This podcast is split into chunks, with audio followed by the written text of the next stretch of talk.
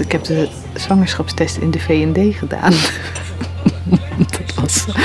Ik, eh, ik wou het niet thuis doen, omdat ik thuis met mijn vriend woon. En het was zijn terrein. En op een gegeven moment werd ik niet meer ongesteld. En toen dacht ik, nee, het zou toch niet. En toen heb ik een zwangerschapstest gekocht. En, ehm, en toen ging ik naar de wc's in de V&D. Hier plaste ik overheen. Het was meteen boem. Echt een knalrode streep. Ik was heel erg trots. En het was echt een wonder dat het, dat het gewoon zo was. Het was echt een wonder. Ja. Dus dat was wel heel gaaf. Het was, maar ook meteen natuurlijk helemaal uh, verwarrend. En, want het was helemaal, uh, want ik wist ook zeker dat het van de Duitse minnaar was.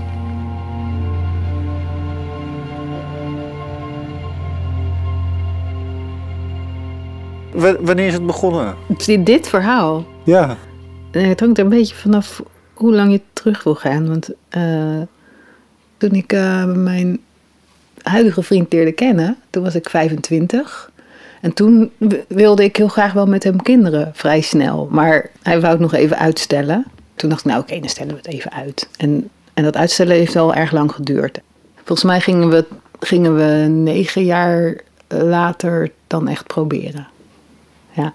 En toen uh, ging het heel snel. En wij helemaal, alles, uh, de hele wereld draaide om. En toen werd dat na drie maanden miskraam. Hier in de douche. Ja, met heel veel bloed en zo. Toen ik wist dat het er niet, dat het, toen het eruit kwam, ja, het was wel een, een droom die helemaal stuk ging. Van zeepbel die plopte. Ja, mijn moeder hij zei wel van, nou, gewoon meteen weer proberen hoor. Ja, ik dacht, doe maar rustig aan. Ja, ik, ik weet niet, we durfden het gewoon niet meer.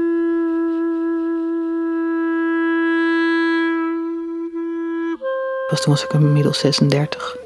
Van, nou ja, als je het nu nog wil, dan, dan kan je toch het beste via inseminatie. En toen bleek uh, dat, het, uh, nou ja, dat de zaadjes niet zo goed konden zwemmen. Toen ging ik het met IVF proberen. toen bleek dat mijn, nou ja, er kwam erop neer dat mijn eitjes ook helemaal niet goed meer uh, konden groeien. Ja, toen dacht ik van nou, nou ja, dacht ik. Ja, toen ging ik ervan uit dat ik geen kinderen kon krijgen.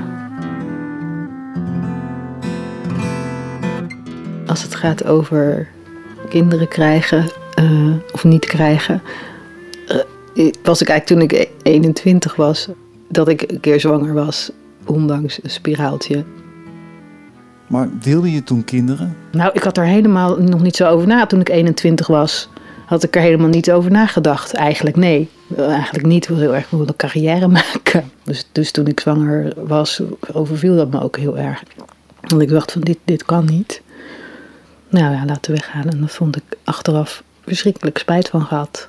Ja daar kreeg ik toen vooral eigenlijk, die spijt ging toen, kwam toen weer helemaal terug. Je denkt van, ik kan geen kinderen krijgen en ik heb er zelf een uh, omgebracht. ja, en ja, gewoon, en wat stom, weet je, wat stom dat ik zo laat ben begonnen. En als je dan denkt van, oh, wat is dat leeg. Ja, zo het leven zonder kind. Want ik voelde me ook heel oud. En ik wist niet goed hoe ik mijn leven ja, zin kon geven. Omdat ik eigenlijk dacht van ja, aan met een, aan een kind kan je dingen doorgeven. Wat zou je willen doorgeven? Uh, ja, een bepaalde wijsheid of zo. Niet dat ik nou zo wijs ben, maar. Um, nou, in het leven ook natuurlijk. Je geeft het leven dan door. Um, en, en gewoon dat, dat het, als het herfst is, dat dan de blaadjes van de bomen vallen. En als er pluisjes, witte pluisjes uit de lucht vallen, dat het sneeuw is. Dat soort dingen. ja.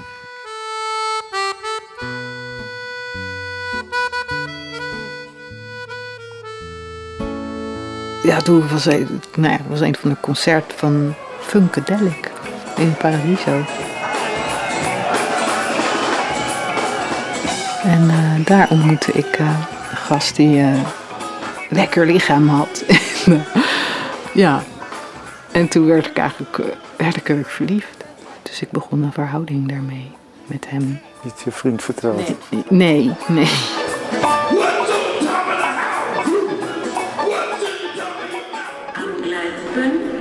Bitte einsteigen. Uh, hij woont in Duitsland, dus ik ging daar dan af en toe naartoe. Een fijne weekend en dan gingen we vrijen en dvd's kijken en spelletjes doen. Na zes maanden, um, toen raakte ik dus zwanger. Ja, toen raakte ik zwanger van de minnaar. Ja.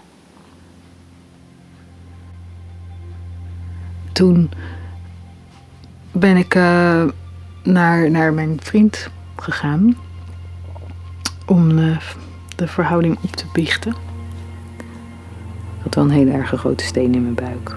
En heel erg zenuwachtig en stappen knieën. En, uh, maar het moest. Het moest meteen.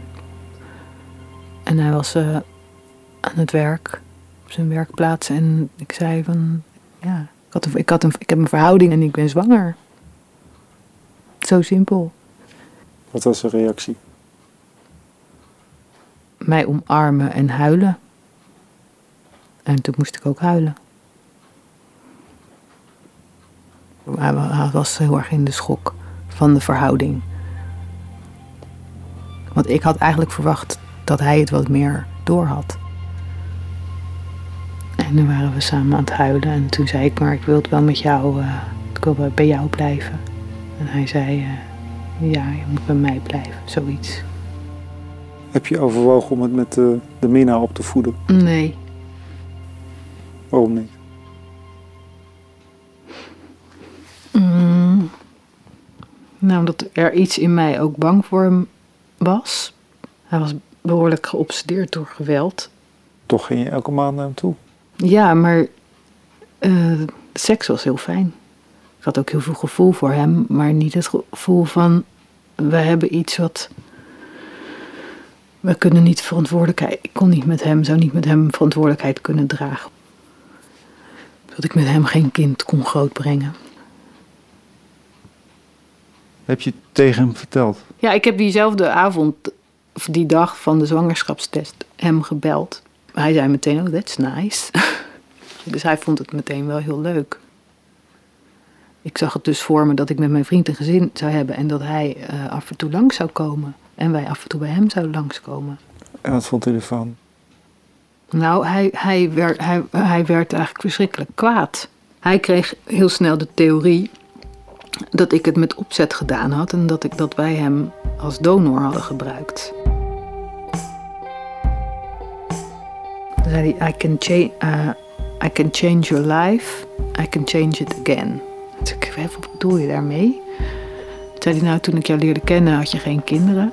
En uh, I changed your life and I can change it again. Nou, toen durfde ik niet verder te vragen wat hij daarmee bedoelde.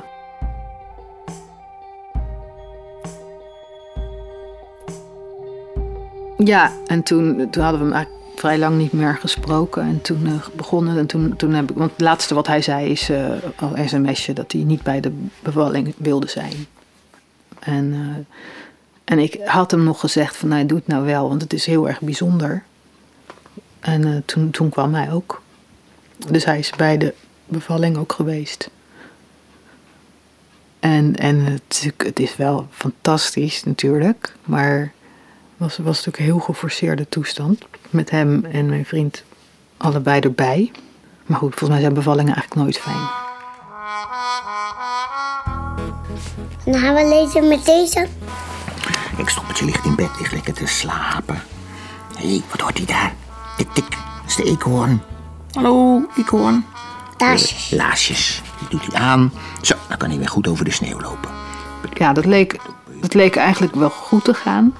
We leken wel een vorm te vinden. Dat, dat, uh, en mijn vriend en hij en ik. Um, nou ja, dat dat ging. hij woonde in Duitsland Ja. en jullie in Nederland. Hoe, Ja. hoe ging dat dan? Ja, nou ja, dan logeerde hij hier. Maar dat, dat vond mijn vriend wel heel erg naar. En hij zei toen van, ja, ik wil twee weken blijven. Dat zagen wij helemaal niet zitten. Maar wij durfden het niet te zeggen. En ja, ik voelde me ook heel erg schuldig. Voelde me ook gewoon heel erg schuldig dat ik, het niet, dat ik niet voor hem had gekozen. Het was ook als hij hier was, als hij hier logeerde, hadden we hier ook wel hele erge ruzies. Waarbij hij dan ook mij heel hard ging duwen waar ons dochtertje bij was. Wat ik heel erg vond. En heel hard gillen en schreeuwen. Ik was bang ook voor hem. Toen zijn we naar een advocaat gegaan, mijn vriend en ik. Want ik dacht, wij red, we komen er samen niet uit. Het uitgangspunt moet gewoon zijn, wat is het beste voor, wat is het beste voor haar? Kijk, ja, kijk. Een kruis. Goed hoor. En dan gaan we lekker met, met deze doen. Deze, ja. Maar ondertussen eh, bleek dat onze dochter zich sociaal eh, heel anders ontwikkelde. En eh, hebben we haar laten onderzoeken en bleek dat ze autistisch is.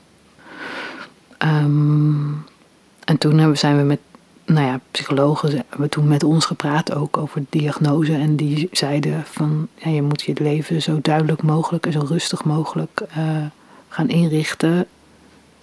Wij hebben toen een brief gestuurd dat het voor haar beter is om een heel rustig leven te leiden. En dat wij nu geen plek voor hem zagen in haar leven.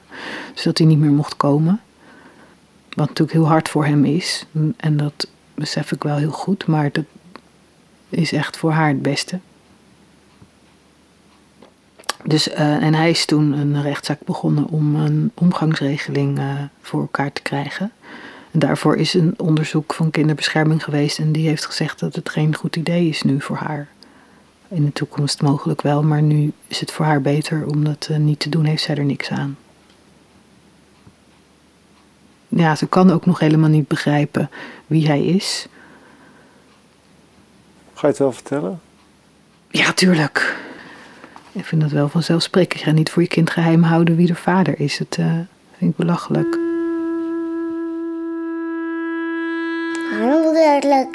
Ja. Dat? Deze is klaar. Deze is klaar. Nee, ik wil nog. Ja, nee, maar je mag niet zoveel chocola. Nee, deze is klaar. Nee, ik wil nog een. Nou, straks. Ja? Nee, ik wil nog Ja, het, het, het was heel heftig om een kind met een, met een stoornis, dat je weet van ze heeft een, ze heeft een stoornis. De psychologen zeggen dat het ook helemaal, dat het nooit overgaat. Nee, ik wil, ik wil nog een. Nog eentje en dan is het klaar. Ja. Ja? Eén chocolaatje en dan is het genoeg. Nou, de kans dat zij op zichzelf zou kunnen wonen is heel klein. Terwijl ze heel veel kan. Ze kan echt heel erg veel. Ze is, ze is vier en ze kan eh, tot honderd tellen.